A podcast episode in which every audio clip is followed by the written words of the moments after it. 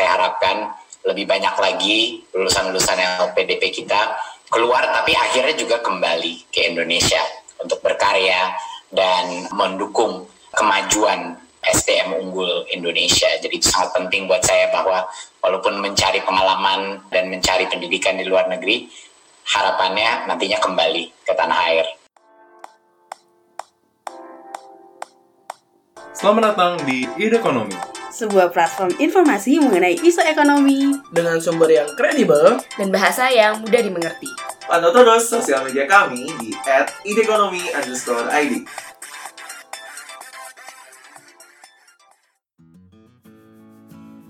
Selamat datang di listeners, kembali lagi di podcast Ide Ekonomi bersama saya Rahma yang akan memandu episode kali ini.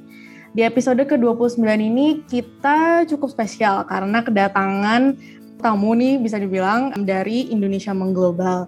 Apa itu Indonesia Mengglobal? Kita bakal tanya-tanya lagi lebih banyak dan lebih dalam nanti di episode hari ini. Nah, tapi menariknya hari ini tuh kita akan membahas sebenarnya bukan topik yang ekonomi berat banget ya, tapi ada hubungannya karena ada hubungannya dengan produktivitas negara dan juga dengan sumber daya manusia. Nah, yaitu adalah terkait isu brain drain atau human capital flight atau adanya fenomena imigrasi orang-orang dari suatu negara ke negara lainnya. Dan kita akan fokus di sini ke fenomena brain drain di Indonesia. Nah, hari ini kita udah kedatangan tamu spesial kita yaitu bernama Dwinanda Ardi atau di sini kita manggilnya Mas Ardi aja ya. Halo Mas Ardi. Halo Rahma, apa kabar? baik, baik Mas. Seneng banget nih hari ini akhirnya kita udah bisa recording dengan Indonesia Mengglobal. Jadi eh, sebagai background aja, di sini Mas Ardi sekarang menjabat sebagai presiden dari Indonesia Mengglobal dan juga saat ini Mas Ardi itu analis riset dan asisten penasihat khusus Menteri Keuangan untuk kebijakan makroekonomi dan fiskal di Kementerian Keuangan Republik Indonesia. Nah sebelumnya kenapa menarik juga isu ini untuk kita bahas sama Mas Ardi karena Mas Ardi pernah punya pengalaman jadi diaspora sebenarnya di luar negeri. Jadi Mas Ardi ini memiliki background pendidikan Master of International Development Policy dari Duke University di Amerika Serikat dan sebelumnya juga memiliki gelar sarjana ekonomi dari Universitas Indonesia. Oke, tanpa berlama-lama lagi, kita langsung aja nih ya mau ke topik pembahasan kita hari ini, yaitu sebenarnya kita pengen tahu lebih dalam tentang Indonesia mengglobal dan tapi kita juga pengen sedikit pandangan Mas Ardi tentang fenomena dari brain drain itu sendiri. Nah, tapi sebelum kita masuk, kita mau ngobrol-ngobrol ringan dulu aja nih. Mas Ardi, boleh nggak cerita-cerita dikit nih sebenarnya tuh Indonesia mengglobal tuh apa sih? Apakah sebuah movement? Apakah sebuah yang pasti bukan parpol ya? uh, apakah se ya bukan bukan? Apakah sebuah program aja dan ini udah udah berapa lama dan komunitas dari M ini sebenarnya ada apa aja program dan aktivitasnya Mas? Silahkan. Oke, sebelumnya terima kasih Rahma atas kesempatannya dan senang ya untuk bisa ngobrol di podcast Ekonomi juga. Terima kasih atas undangannya. Jadi Indonesia Mengglobal adalah non-profit organization yang didirikan di tahun 2012 oleh beberapa mahasiswa Indonesia di Stanford University di Amerika Serikat. Salah satu latar belakangnya pada saat itu mereka berpikir bahwa kayaknya anak-anak Indonesia itu punya potensi yang besar untuk belajar di kampus-kampus dunia. Tetapi pada saat itu kondisinya mungkin kekurangan akses informasi atau bimbingan gitu ya, terutama terkait dengan proses aplikasi atau proses pendaftaran dan informasi-informasi lain. Misalnya soal bantuan finansial apa aja yang tersedia di kampusnya. Kurang lebihnya itu. Nah, kemudian lima tahun setelah berdiri tahun 2012, IM mendapatkan status sebagai badan hukum yayasan di tahun 2017. Saat ini kita memiliki 40 relawan yang terdiri atas mahasiswa dan profesional muda yang semuanya orang Indonesia di lebih dari 15 kota, di 10 negara, di tiga benua, yang kesemuanya itu secara sukarela bergabung untuk menjalankan program-program Indonesia Mengglobal di tahun 2021-2022. Nah, program atau aktivitas kita apa aja gitu kan? Sebetulnya ada banyak, tapi tiga yang utama adalah yang pertama publikasi artikel dan konten daring di www.indonesiamoglobal.com dan juga di media sosial IM ya. Topik-topik yang kita angkat itu misalnya soal review sekolah, bagaimana meraih beasiswa, magang dan bekerja di luar negeri, diterima di kampus luar negeri, tips hidup di luar negeri, dan lain-lain. Nah, kemudian kita tuh di IM membagi cerita-cerita dari kontributor kita itu ke dalam empat region. Yang pertama adalah UK and Europe, kedua Asia, Middle East, dan Afrika, ketiga North and Latin America, dan yang keempat tuh Australia, New Zealand, dan Pacific Island. Nah, di samping membagi itu beberapa prominent figur gitu ya, itu juga pernah menulis untuk IM, seperti misalnya Panadi Makarim, Maudi Ayunda, Tasya Kamila, Alisa Subandono, dan lain-lain. Nah, selain kita mempublikasikan cerita-cerita orang Indonesia yang sekolah atau berkiprah di luar negeri, kami juga menyelenggarakan event pendidikan. Sebelum pandemi itu dilakukan secara offline, dan setelah pandemi dilakukan secara online ya, automatically. Nah, kita membuat berbagai webinar, Instagram Live, dan podcast dengan ide ekonomi seperti ini ya, secara mandiri ataupun bekerja sama dengan partner Indonesia Mengglobal. Nah, kebetulan tahun ini kami juga mengadakan yang namanya Festival Tetap Berdampak. Itu terdiri atas webinar Indonesia Mengglobal, Instagram Live, kemudian ada juga podcast dan sharing session dan lain-lain. Tujuannya adalah untuk memberikan inspirasi, encouragement dan teman-teman untuk tetap semangat gitu untuk mengejar mimpi sekolah tinggi di luar negeri meskipun di masa pandemi. Nah, kemudian program yang ketiga, program flagshipnya IM itu adalah program mentorship. Jadi program mentorship itu memberikan basically ya memberikan bantuan mentoring kepada teman-teman yang ingin sekolah ke luar negeri. Teman-teman itu akan dipertemukan dengan mentor yang sudah pernah atau sedang menjalani kuliah di luar negeri. Jadi menti diseleksi dari pendaftar yang masuk semuanya, kemudian dipasangkan dengan satu mentor yang paling sesuai latar belakangnya. Nah, kemudian menti juga akan mendapatkan modul dan penugasan baik individu maupun kelompok, dan kami juga ada pertemuan antara menti dan mentor gitu ya, seperti sebuah webinar gitu supaya intinya adalah kita membangun support system dan ekosistem bagi teman-teman yang berkeinginan untuk keluar negeri, studi keluar negeri lewat program mentorship ini. Nah, di samping tiga program backbone, sebetulnya kami juga ada program lain seperti anniversary events dan PSG Bootcamp, serta program untuk relawan secara internal tuh kami juga ada town hall, coffee convo, dan kemudian ada Insight IM, ini semacam forum belajar bersama untuk relawan IM ya. Jadi, dan temanya tidak selalu tentang sekolah luar negeri, tapi kita bisa belajar hal-hal lain seperti belajar desain, belajar menulis, dan lain-lain. Kurang lebihnya itu profil IM dan apa yang kami kerjakan. I see, oke. Okay. Jadi baru tahu sih mas. Jadi dulu sebenarnya dari udah lama juga aku udah ngikutin Indonesia Mengglobal karena sempat kuliah di luar juga kan dan selalu membaca artikel-artikelnya dan sangat-sangat helpful. Tapi sekarang setelah penjelasannya Mas Ardi baru menggali lagi lebih dalam ya ternyata ada program tiga program flagship itu dan eh, salah satunya flagship itu yang mentorship yang malahan sangat menarik banget dan makanya kayaknya ini menarik sih karena Mas Ardi juga udah banyak exposure ya ke pengalaman dari teman-teman gitu kan yang di luar, apa yang pernah keluar atau malah tertarik untuk keluar. Nah, kita untuk menyoroti si topik brain drain ini atas human capital flight ini gitu kan yang bisa dibilang belum mengkhawatirkan di Indonesia tapi udah mulai agak kadang tuh menjadi sorotan dan menjadi perhatian pemerintah gitu kan. Kalau misalnya sebagai backgroundnya sendiri, brain drain ini kan sebenarnya kayak orang-orang pintar yang memilih untuk bekerja atau stay kan gitu kan di luar negeri. Yang kebalikannya dengan brain gain. Kalau misalnya orang-orang yang pintar itu justru memilih untuk stay di negara asalnya. Nah, dari pengalaman ya yang mungkin Mas Ardi pernah dengar gitu kan atau mungkin pengalaman Mas Ardi sendiri deh selama studi dan tinggal di luar negeri itu ada pelajaran apa atau perspektif baru apa yang yang yang paling menarik dan apakah hal tersebut mengubah pola pikir atau berdampak pada pekerjaan saat kembali ke Indonesia. Jadi sebenarnya di sini pengen nanya-nanya dulu nih, apa sih sebenarnya yang mungkin bisa memotivasi orang untuk memilih stay atau enggak gitu Mas. Jadi mungkin apa yang yang Mas Ardi rasakan waktu itu setelah balik gitu Mas. Ya, jadi karena Rahma pernah sekolah di luar negeri juga, jadi mungkin bisa relate juga ya. Kalau menurut hmm. saya, pengalaman sekolah di luar negeri itu memberikan pelajaran atau perspektif yang berbeda pertama saya merasa saya menjadi lebih open minded karena ketemu dengan orang dari berbagai negara yang beda semuanya, beda culture-nya, beda agamanya, beda latar belakang pendidikan, latar belakang pekerjaan gitu kan, cara kita dibesarkan oleh orang tua itu juga beda jauh gitu. Nah, kita tuh karena hidup dalam lingkungan yang very apa sangat heterogen selama dua tahun ya waktu itu saya sekolah. Jadi mau nggak mau jadi terbiasa tuh untuk menyesuaikan diri adjust apa pun yang kita lakukan itu dalam lingkungan yang internasional. Karena kita punya background yang beda-beda banget dengan orang yang sehari-hari kita temui. Terus yang kedua saya tuh kan kebetulan baru pertama kali tinggal di luar negeri lama tuh pada saat sekolah ya jadi seumur hidup saya tuh merasakan menjadi mayoritas kan di Indonesia karena saya Muslim. Nah kemudian ketika pertama kali tinggal ke Amerika, tinggal di Amerika itu, itu adalah pertama kalinya saya menjadi minoritas. Dan alhamdulillah saya tuh tidak pernah punya satupun pengalaman yang kurang baik gitu ya sebagai Muslim di Amerika. Jadi menurut saya saya belajar gimana caranya mayoritas itu menerima minoritas di lingkungannya.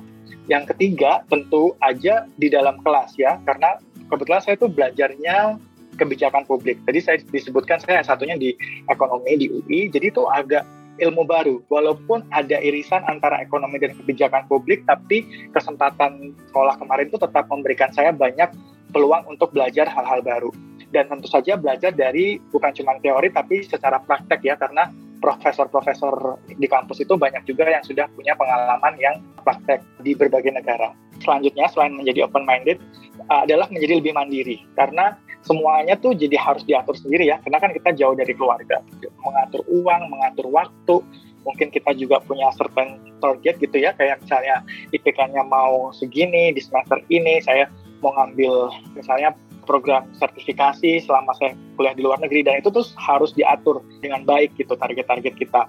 Jadi itu juga kesempatan yang baik. Yang ketiga adalah belajar nilai-nilai baik yang di luar kelas. Jadi saya ngerasa bahwa saya tuh kebetulan banyak bertemu dengan profesor baik ya. Jadi profesor baik ini tuh banyak memberikan saya pelajaran seperti kerendah hatian gitu ya, terus kemudian tuh pengen nolongin orang gitu ya. Jadi kalau ketemu mahasiswa tuh kayaknya profesor saya tuh kayak pengen pengen bantu gitu, kayak misalnya kalau di Amerika tuh kan mereka punya namanya office hour gitu. Jadi kita boleh datang ke ruangan profesor tersebut kalau kita ada nggak ngerti tentang apa yang dibahas di kelas. Nah itu menurut saya sangat sangat membantu untuk international student yang baru pertama kali tinggal di luar negeri. Nah, kalau itu pendapat saya pribadi. Kebetulan di IM itu kan banyak juga teman-teman yang sudah punya pengalaman sekolah ataupun kerja di luar negeri ya. Jadi menurut saya itu semangat yang sama yang ditemukan di teman-teman IM adalah semangat untuk berkontribusi tuh. Jadi kita udah dapat uh, pengalaman pembelajaran dengan hidup di luar negeri berinteraksi dengan orang dari berbagai negara terus kita bertemu di IM kita pengen encourage lebih banyak anak-anak Indonesia gitu untuk bisa berani untuk mewujudkan mimpinya juga untuk sekolah ke luar negeri gitu sih Rahmat setuju banget sih mas kayak yang tiga poin itu justru menurut menurut aku salah satu yang paling bisa relate banget adalah belajar jadi minoritas. itu yeah, iya. karena yeah. kayak kita sangat privilege hidup di Indonesia, mungkin part of kita bagian dari mayoritas terus-terusan gitu kan. Terus akhirnya kita di situ kayak culture shock tapi malahan dipaksa buat buat belajar dan beradaptasi gitu dan kita di situ melihat dari perspektif orang lain gitu kan Mas ya. Ya. Dan mungkin itu yang yang ngedrive juga pas kita akhirnya balik gitu kan kayak oke okay, ke Indonesia nih kita udah ada sesuatu yang kita pelajarin dan kita mau kasarnya bisa ngomongnya katanya tuh berkontribusi. Nah, tapi ini sekarang sih kata kontribusi ini yang cukup agak suka diperdebatkan kan, Mas. kayak jujur aja iya. kalau misalnya pas aku dulu di mana di, dulu di UK atau di Prancis tuh kan kayak di PPI pasti ada bahasan gitu tuh kayak waduh nih kalau misalnya yang anak beasiswa ini harus balik nih dia bentar lagi pengen harus yeah. terhadap bangsa asik gitu kan. Tapi kalau misalnya yang anak-anak self funded kayak yaudahlah nanti aja gitu. Nah tapi ini menarik sih karena kita mau nggak mau kan kita semua di sini orang Indonesia gitu kan. Kita orang Indonesia yang memang sudah keluar negeri untuk studi dan paspor kita tetap Indonesia gitu kan mas. Yeah, Jadi yeah. itu kadang yang kayak memantik aku juga untuk berpikir gitu. Nah kalau misalnya Mas Ardi sendiri atau IM teman-teman IM gitu pernah sharing, ada nggak sih pandangan kayak ekspektasi untuk berkontribusi kembali nih demi pembangunan lah atau kemajuan negara bisa kita bilang itu biasanya kan diberikan kepada mereka yang juga udah pergi kayak tadi kita bahas. Nah ada nggak perspektif Mas Ardi gitu kayak itu sebenarnya bisa didefinisikan seperti apa dan bentuknya bisa seperti apa dan apakah itu merupakan kewajiban gitu Mas untuk semua teman-teman diaspora? Kalau menurut saya ekspektasi untuk berkontribusi itu hal yang wajar ya. Kalau misalnya para awardee berangkat dengan biaya negara, tentu mereka bisa diharapkan kembali berkontribusi kepada negara. Kalau dilihat dari perspektif ekonomi gitu ya, kalau negara bayarin orang itu kan negara berinvestasi. Ilmu ekonominya kalau kita invest kita mengharapkan apa? Return kan? Itu theoretically speaking ya. Nah returnnya tapi kalau kita ngebayarin orang ngebayarin anak putra putri bangsa untuk sekolah ke luar negeri itu returnnya bukan terus jadi dibalikin uang ya tapi kontribusi itu ikut membangun. Nah makanya itulah timbul ekspektasi. Nah tapi itu in case kalau yang berangkat adalah ke luar negeri itu kan orang negeri kan nggak selalu sekolah ya, tapi ada juga yang bekerja di luar negeri gitu. Nah kalau ini Indonesia misalnya di kantor-kantor luar negeri atau di organisasi internasional luar negeri, yang itu bagus-bagus aja. Nah tapi kalau balik lagi ke konsep awardee, sebetulnya konsep orang Indonesia sekolah di luar negeri itu kan bukan hal yang baru. Bahkan sebetulnya dari zaman sebelum merdeka pun, sejak kita masih namanya Hindia Belanda, beberapa founding fathers kita itu udah sekolah di luar negeri ya. Seperti misalnya uh, Bung Hatta, terus Sultan Syahrir, sama Tan Malaka itu pernah sekolah di Belanda. Nah, mereka aja dibiayai oleh pemerintah Belanda, tapi dalam konteks politik elit etis ya, politik balas budi itu, mereka tuh terus kembali ke Indonesia dan justru memperjuangkan kemerdekaan. Saya pikir sebetulnya ada semangat mereka yang tetap relevan untuk hari ini gitu. Jadi dari zaman sebelum kemerdekaan itu mereka udah ingin contribute. Nah, kalau sekarang tentunya kita udah nggak ngomongin soal merebut kemerdekaan gitu ya, tapi mengisi kemerdekaan. Nah, kontribusinya apa? Sebetulnya menurut saya kita tuh ada di era yang kontribusinya itu bisa macam-macam banget. Kita bisa masuk ke pemerintahan, ke NGO, menjadi dosen, peneliti, aktivis, pengusaha, atau yang lagi tren sekarang itu misalnya membuat startup dan lain-lain. Jadi ada banyak cara untuk memenuhi ekspektasi untuk berkontribusi. Kemudian dalam konteks awardee lagi, karena quote and quote tuh ada semacam ekspektasi untuk kembali gitu ya. Menurut saya ini adalah waktu yang sangat exciting gitu untuk membangun Indonesia. Bagaimanapun caranya, karena saat ini kita sedang mendapatkan bonus demografi yang itu nggak terulang lagi dalam dalam periode yang lama gitu ya.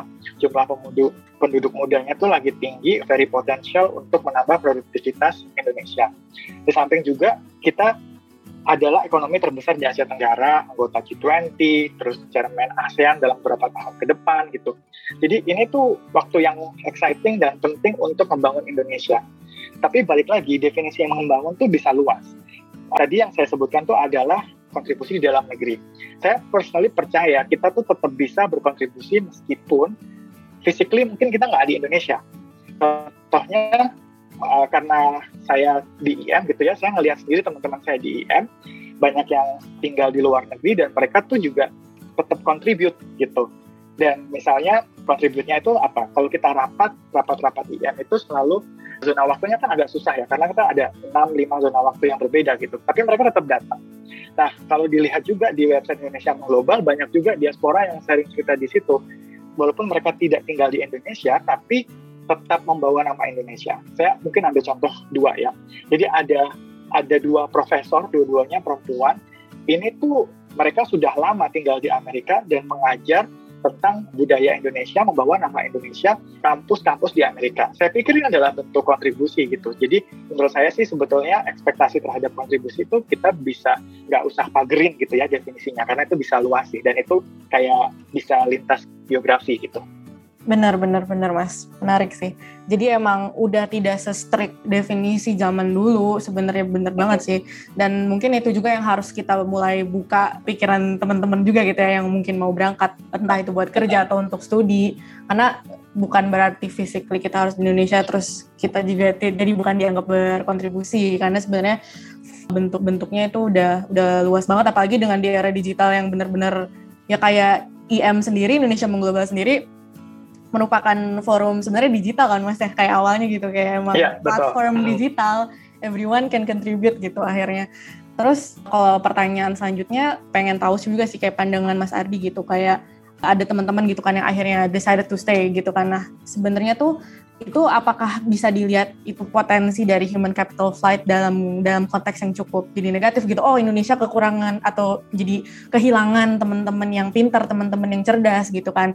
Apakah itu kita bisa anggap seperti itu? Dan juga sebenarnya apa sih faktor yang mungkin mempengaruhi pertimbangan teman-teman yang akhirnya untuk stay dulu gitu akhirnya di luar nggak langsung balik? Entah itu buat kerja atau studi gitu mas Ya, tadi tadi kan Rama sempat mention pernah sekolah, pernah tinggal di Mhm. Inggris dan Prancis ya. Saya pikir juga Rama pasti ketemu juga teman-teman yang memutuskan untuk stay di, di luar negeri gitu ya. Nah, kebetulan ini juga case yang mirip-mirip lah dengan yang saya punya gitu ya berdasarkan pengalaman waktu saya sekolah di Amerika. Menurut saya potensi untuk human capital flight itu ya pasti ada gitu kalau orang setelah belajar, setelah bekerja terus memutuskan untuk tinggal di sana, tidak kembali, itu kan berarti ada potential loss untuk Indonesia misalnya. Tetapi menurut saya itu juga ada kita pasti lihat dulu nih, lihat-lihat alasannya apa, faktor-faktornya apa yang menyebabkan para mantan mahasiswa atau atau orang Indonesia itu bekerja di luar negeri. Pertama, misalnya memang bidang ilmunya belum terlalu berkembang di Indonesia. Jadi mau mau mengubah negara itu kan nggak gampang juga ya, Rahma ya. Atau mengubah satu sektor aja di sebuah negara itu kan nggak gampang juga. Jadi mungkin lebih lebih pada saat ini tuh lebih lebih memungkinkan untuk berkarir di luar negeri karena bidang ilmunya tuh sudah lebih berkembang. Yang kedua, ada juga menurut saya teman-teman saya yang bilang saya ingin cari pengalaman dulu, saya ingin membangun networking dulu di luar negeri. Kemudian nanti setelah saya punya pengalaman, saya punya tabungan yang cukup juga, misalnya kemudian saya punya network yang lebih oke, yang sudah lebih terbangun gitu ya. Nah, nanti saya kembali ke Indonesia dan saya berkontribusi. Dan mm, pastinya ada alasan-alasan lain. Tapi menurut saya selama keinginan untuk berkontribusinya itu tetap ada gitu ya, regardless fisiknya ada di mana gitu ya, pikirannya tetap Indonesia, menurut saya kita nggak bisa serta-merta menjudge gitu bahwa orang-orang ini tuh menyebabkan human capital flight gitu. Itu sih kalau menurut saya. Benar-benar menarik sih. Tadi juga itu salah satu yang benar banget sih Mas yang tentang kalau misalnya emang sektornya belum berkembang di Indonesia agak susah juga sebenarnya. Justru kalau misalnya mereka ingin mendalami itu ya Iya. cuman bisa di luar doang kayak teman-teman yang banyak kan waktu itu teman-teman aku yang FNIPA yang emang belajar scientific banget itu nggak mungkin sih maksudnya mereka emang akhirnya mending jadi asdos dulu di sana habis itu mereka bener-bener ngajar di sana terus balik lagi udah ilmunya baru masuk ke misalnya ke faculty lagi gitu kan di Indonesia nah ini akhirnya kita mau bahas apakah sebenarnya ada dampak buruk gitu ya akhirnya dari brain drain ini sendiri yang misalnya kalau misalnya terjadi terus menerus dan sebenarnya ini aku juga punya pandangan sendiri ya karena mungkin dari coming from experience gitu. Kalau misalnya dari teman-teman kita yang udah pernah keluar atau ya mungkin pernah bekerja di luar, sebenarnya tuh cara-cara untuk mengubah brain drain jadi brain gain tuh apa sih? Kayak sebenarnya apakah pemerintah bisa bantu itu dengan berbagai insentif atau justru industri di Indonesia sendiri gitu kan? Tapi kita mau denger dulu dari Mas Ardi dulu, gimana Mas? Iya, jadi menurut saya dampak brain drain gitu ya kalau itu terjadi terus-menerus dan oleh orang yang banyak gitu ya. Jadi kayak bedol desa tapi bedol desanya keluar negeri gitu ya. Pertama adalah kita bisa kehilangan potensi para pekerja yang berkualitas. Nah, kalau kehilangan pekerja itu skilled labor gitu juga ya. Misalnya itu akan berpengaruh pada produktivitas dan perkembangan sumber daya manusia apalagi di negara berkembang di Indonesia gitu ya. Yang kalau kita lihat dari struktur pasar tenaga kerjanya itu yang sebetulnya lulusan S1 ke atas tuh masih sangat sedikit kan ya Rahma ya. Masih banyak yang pendidikannya itu di level apa menengah gitu. Jadi ini sebetulnya hal yang perlu kita cermatin. Kalau terjadinya itu terus menerus dan oleh banyak orang banget gitu. Nah tapi sebenarnya tadi Rahma udah mention juga brain drain itu kan kita bisa lihat sekarang sebagai brain drain, tapi mungkin beberapa tahun lagi itu menjadi brain gain gitu. Karena mungkin kalau kita lihat orang baru lulus dari luar negeri, terus dia tinggal dan bekerja di luar negeri, itu terlihat seperti brain drain. Tapi setelah certain period of time gitu ya, dengan proyeksikan nanti mereka tuh dapat posisi bagus di tempat kerjanya, atau mereka punya network yang bagus juga, jadi setelah beberapa tahun mereka justru mungkin memiliki bargaining position yang justru bagus untuk jembatan dua negara misalnya. Nah awalnya terlihat seperti brain drain, tapi setelah beberapa waktu bisa berubah menjadi brain gain gitu. Nah ini yang penting sebetulnya. Jadi pengalaman, konektivitas, skill itu yang yang diperlukan untuk membangun Indonesia juga ketika nanti mereka memutuskan untuk pulang. Jadi kalau kita lihat juga dari negara lain, ini kan sebetulnya terjadi juga di Cina di tahun 78 tahun 79 ya pada saat itu mereka lewat hubungan bilateral Cina dan US kemudian ada kesepakatan salah satunya dalam bidang sains dan teknologi. Jadi banyak mahasiswa Tiongkok yang terus belajar di AS dengan dukungan dari dari pemerintah Cina sendiri gitu. Ada beberapa kerjasama yang terbangun dari dari dari rencana ini yang kemudian dalam rentang 95 sampai 2005 tuh ada lebih dari 40 ribu mahasiswa PhD datang dari Cina ke US. Nah, terus kita lihat dekade setelahnya gitu. Saat ini Cina punya banyak lembaga riset kelas dunia dan juga jumlah peneliti yang banyak juga gitu kita sekarang sedang melakukannya pemerintah Indonesia. Saya sebetulnya kebayang gini Rahma, dulu waktu ibu saya sekolah ke luar negeri zaman juga 30 tahun yang lalu gitu ya, mungkin sekitar 30 tahun yang lalu, itu kan pasti nggak kebayang pemerintah Indonesia, pemerintah negaranya sendiri itu bisa ngebiayain anak-anak bangsa untuk sekolah ke luar negeri dalam jumlah yang sebanyak sekarang setelah adanya LPDP. Jadi ini adalah langkah yang menurut saya sih bagus-bagus aja ya ada contohnya misalnya di Cina terjadi juga dekade beberapa dekade yang lalu terus sekarang mereka jadi punya banyak lembaga riset kelas dunia jumlah peneliti kelas dunia juga nah sekarang jadi lebih penting juga kalau kita lihat dari skema APBN jadi sejak tahun 2009 Rama mungkin juga tahu ya kita sudah allocate anggaran untuk pendidikan itu 20%. Ini tuh huge number dan bahkan negara berkembang di dunia yang lain pun nggak banyak yang bisa atau berkomitmen pemerintahnya untuk mengalokasikan sebanyak 20% untuk pendidikan. Jadi sekarang karena kita komitmen dari pemerintahnya ada, uangnya juga ada, kebijakannya ada, jadi ini adalah menurut saya sih langkah yang tepat gitu untuk kirim orang Indonesia sebanyak-banyaknya untuk belajar belajar di luar negeri. Jadi harapannya tentu nggak lama lagi kita bisa lihat gitu ya kontribusi dari orang-orang yang disekolahkan ini gitu Rahma.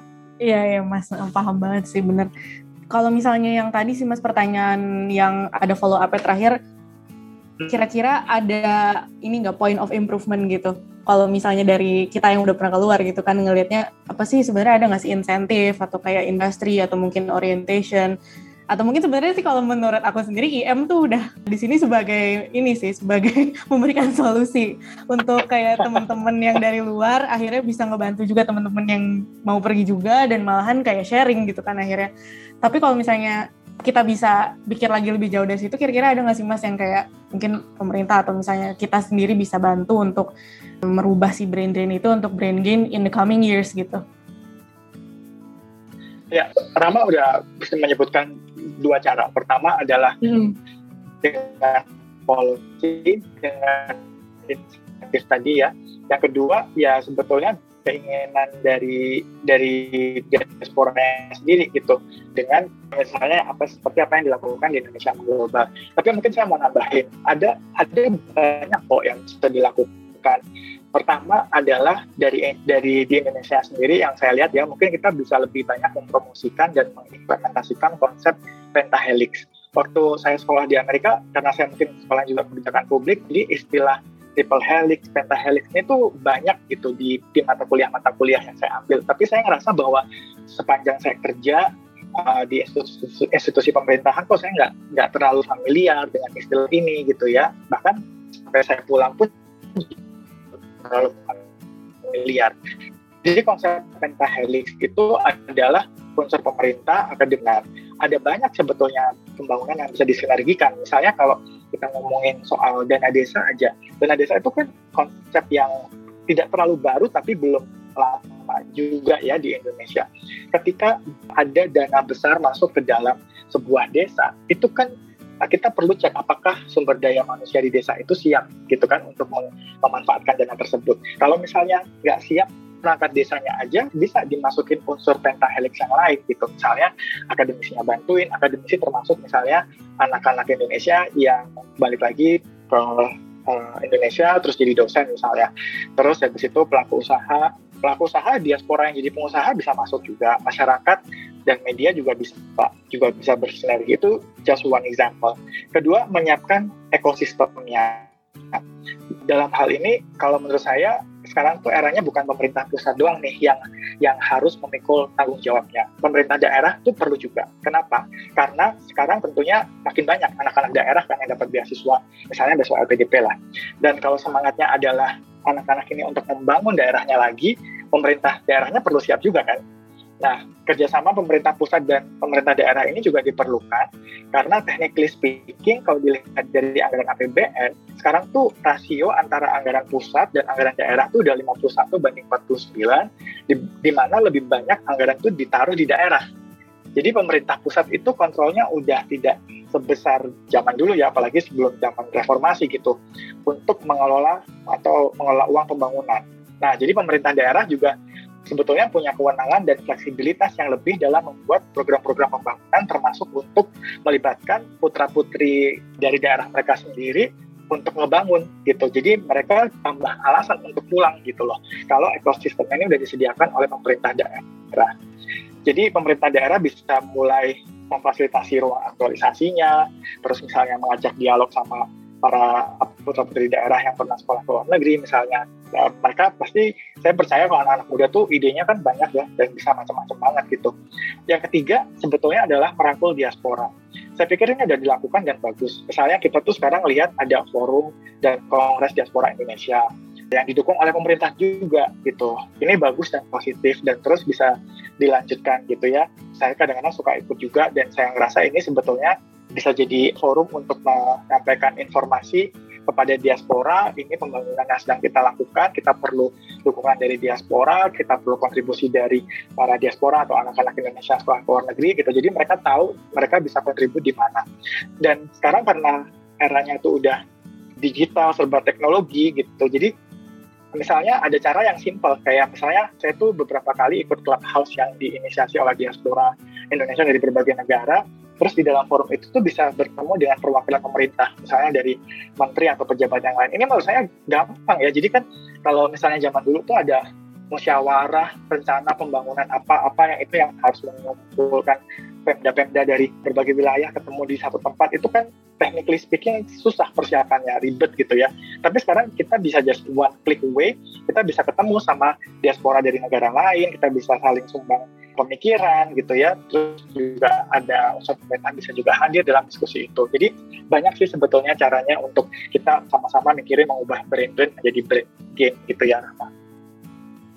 Wah, thank you banget sih Mas. Ini insightful. Justru salah satu yang menurut aku paling menarik itu adalah tentang yang bahwa pemerintah daerah harus bisa punya peran yang lebih besar. Karena memang mereka sudah karena kita otonomi daerah dan mereka punya dikasih alokasi dana juga yang sekarang lebih banyak harusnya bisa merangkul dan menjadi wadah gitu kan ya mas ya. Kayak ya, ini teman-teman yang dari mungkin Sulawesi teman-teman dari Papua kalau emang pengen balik kita open kok sama ide-ide kalian gitu bener sih mas itu salah satu cara yang mungkin harusnya bisa lebih di dikedepankan sih dan bener banget mungkin ini gara-gara mungkin gara-gara covid tapi jadinya kayak blessing in disguise kita tuh kemarin main clubhouse jadi ketemu sama iya. orang-orang yeah. yang tadinya mungkin harusnya salam-salaman di gedung mana tapi akhirnya jadi bisa yeah. ngobrol gitu kan dan sebenarnya sih kayak aku sendiri cukup optimis kayak mungkin di generasi yang akan mendatang orang-orang dari sektor publik kita akan lebih open to ID new ideas dan criticism ya karena mungkin kalau teman-teman diaspora punya kritik mungkin kayak tidak terlalu mudah untuk ditelan langsung gitu kan karena mungkin agak agak-agak agak tidak bukan yang gak selalu memuji yang apa Indonesia udah lakukan karena ya namanya juga kritik gitu kan. Jadi mungkin dari situ bisa lebih banyak kolaborasi sih yang bisa di, dimulai. Oke, jadi karena kita udah bahas dari pertanyaan banyak banget nih ini kan dari ide ekonomi. Nah, tapi kita juga punya pertanyaan nih Mas ada dua dari ide listeners. Nah, pertama ini menarik banget sih dari Rani, dia dari Makassar. Kalau dibandingkan dengan negara besar seperti Tiongkok atau India, apakah mahasiswa Indonesia lebih banyak yang kembali ke Indonesia? Apakah karena beasiswa yang tadi yang kita udah bahas disponsori pemerintah dan lebih encourage mereka untuk kembali, atau ada alasan lain? Nah, gimana tuh? uh, kalau secara statistik saya nggak bisa jawab ya. Iya. karena, karena kita mesti bawa datanya dulu. Ini kan soalnya podcast ekonomi, jadi kalau nggak ngomong datanya tuh nggak form. hati-hati ya. Hati-hati, perlu hati-hati. Tapi berdasarkan pengalaman saya, Kak, jadi saya tuh kan kampusnya tuh di Duke ya. Itu padahal di kota kecil di Amerika. Tetapi pada jurusan tertentu itu mahasiswa dari India sama mahasiswa dari Cina itu mendominasi. Jadi misalnya jurusannya itu adalah engineering gitu ya, itu mahasiswa mahasiswa India tuh bisa banyak banget dalam satu kelas, bisa lebih dari 50 persennya. Kemudian untuk jurusan-jurusan lain, misalnya yang biologi dan lain-lain itulah, yang turunannya itu ya, saya kurang ngerti jurus nama lengkapnya gitu ya, itu juga banyak yang dari China. Artinya apa? Artinya tadi saya sudah sampaikan uh, sebetulnya Cina itu sudah mengirim mahasiswanya dari beberapa dekade yang lalu untuk kamera, tapi itu masih berlangsung sampai sekarang. Dan Indonesia baru mulai lewat uh, salah satunya lewat LPDP gitu. Dan kalau statistically speaking yang kelihatan ya, tapi ini nggak detail banget. Jadi orang Indonesia di kampus di kampus saya itu cuma 20-an.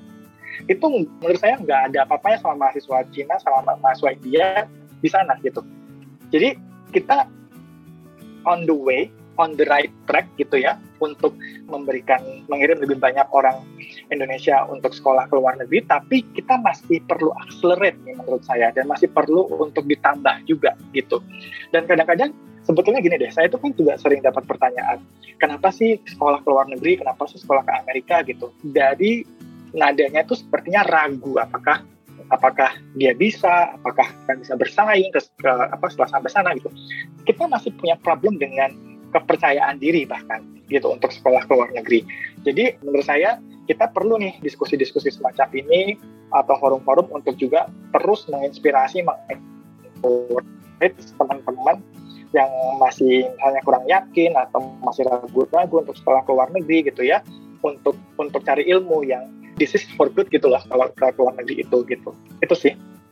Hmm, bener-bener tapi mungkin tadi sih karena kita nggak bisa ngomongin secara statistik mungkin menarik ya yeah. kalau ada yang udah bisa riset sebenarnya tentang kayak membandingkan dari negara-negara Asia apakah lebih banyak yang kembali atau enggak yeah, iya. tapi yeah. kayaknya gak fair kalau kita ngomong oh kayaknya orang Indonesia lebih sedikit yang balik karena menurut aku mungkin emang kita dari orang Indonesia ngeliatnya mungkin banyak yang balik dan kita ngelihatnya pas lagi di luar kok kayaknya ini orang-orang India sama Cina mendominasi gitu jadi imigran dan lain-lain kan tapi yeah. um, mungkin itu perlu perlu bahasan yang lebih panjang nanti. Iya, yeah, yang lebih uh, detail. Iya. Nah, ini ada pertanyaan kedua. Ini menarik sih. Ada dari Mulyadi dari Bandung Barat. Ada nggak ya, Mas, orang studi yang ke luar negeri tapi nggak ke negara yang maju. Jadi mungkin negara-negara yang masih berkembang juga misalnya kayak di Afrika, Amerika Latin atau Eropa Timur dan kira-kira apa motivasinya? Ada. Karena kalau pemeringkatan universitas itu tuh nggak selalu di negara maju universitasnya kan. Kalau kita lihat kayak misalnya beasiswa saya, saya LPDP gitu ya, itu kan dibuat peringkat universitasnya itu ya berdasarkan kebagusan dari universitas dan juga kebagusan dari jurusannya. Itu malah sebetulnya untuk lembaga pemerintah universitas tuh bisa two different things tuh. Jadi secara universitas mungkin universitas tersebut rankingnya agak di bawah tapi secara jurusan tinggi gitu masuk top 100 di dunia gitu. Dan itu lokasinya di negara berkembang itu ada gitu. Nah ini juga menarik kan. Jadi sebetulnya tujuan orang untuk studi ke luar negeri itu not necessarily the country gitu, tapi kalau misalnya memang kampusnya itu ada di negara berkembang, secara peringkatnya dia bagus, secara jurusan dia, dia bagus, itu juga juga orang tetap belajar ke sana gitu sih Rahma.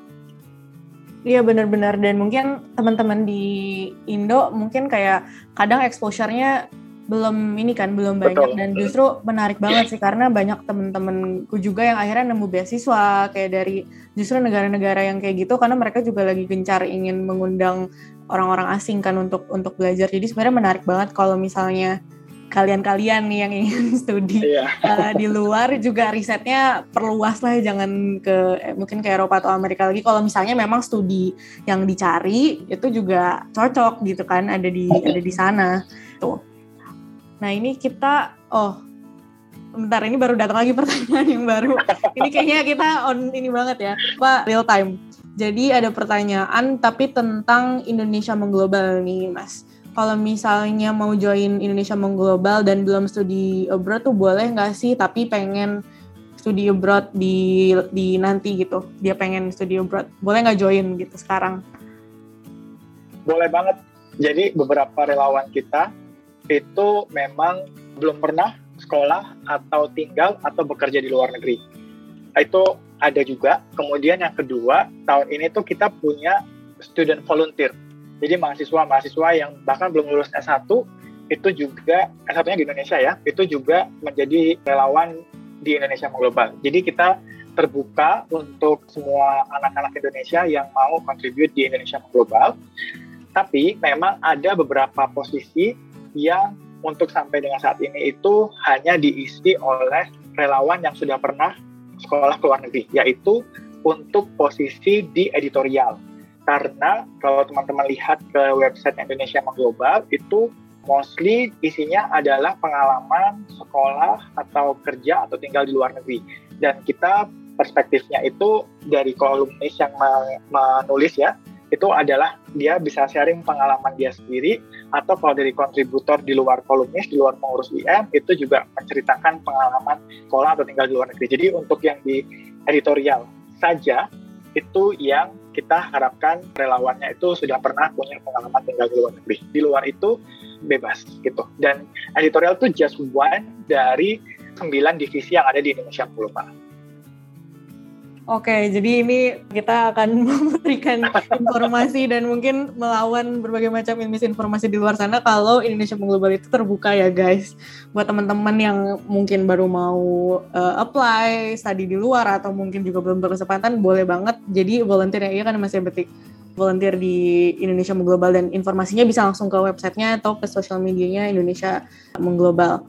Oke, okay, nah di sini kita sekarang udah sampai ke pertanyaan terakhir yaitu adalah ciri khas dari ekonomi karena kita selalu menutup dengan analogi. Nah, di sini aku mau langsung tanya aja deh Mas Ari mungkin punya analogi apa untuk kita topik hari ini? Apa sih yang menarik dan mungkin bisa jadi pelajaran gitu untuk kita ambil dari isu brain brain drain ini? Iya, sebelum ke analoginya, mungkin saya hmm. pengen jawab pakai pakai kutipan lirik, lirik lagu ya. Boleh Jadi banget. Rama pasti juga tahu lagu ini Tanah hmm. Airku gitu ya. Jadi kan bunyinya uh, walaupun banyak negeri ku jalani yang masyur permai di kata orang, tetapi kampung dan rumahku di sanalah kurasa senang. Tanahku tak kulupakan, engkau ku banggakan. Jadi menurut saya isu tentang brain drain atau brain gain kita tuh sekarang masih perlu cermati, tetapi kita kayaknya tuh belum belum menjadi sesuatu yang mengancam di Indonesia karena toh kita baru mulai juga kan lewat LPDP itu mengirim lebih banyak anak-anak Indonesia ke luar negeri gitu ya. Jadi pada diskusi kali ini menurut saya selama kita ada di hati Indonesianya gitu ya, regardless uh, visi kita ada di mana tapi keinginan kontribusinya itu tetap bisa tersalurkan gitu ya, itu nggak masalah sih menurut saya gitu. Karena anak-anak muda ini kan perlu juga pengalaman network gitu ya yang kemudian nanti misalnya dia memang willing untuk membangun negerinya lagi gitu setelah punya pengalaman. Misalnya gitu. Tetapi kalau misalnya bisa pulang itu tentu akan lebih baik gitu. Karena menurut ini menurut pengalaman saya sendiri karena saya pulang ya Rahma ya jadi uh, perspektifnya dari orang yang pulang gitu ya sebelum saya sekolah dan sudah saya sekolah terus pulang saya jadi ngelihat bahwa saya kan jadi punya perspektif yang lain ya terhadap sebuah isu.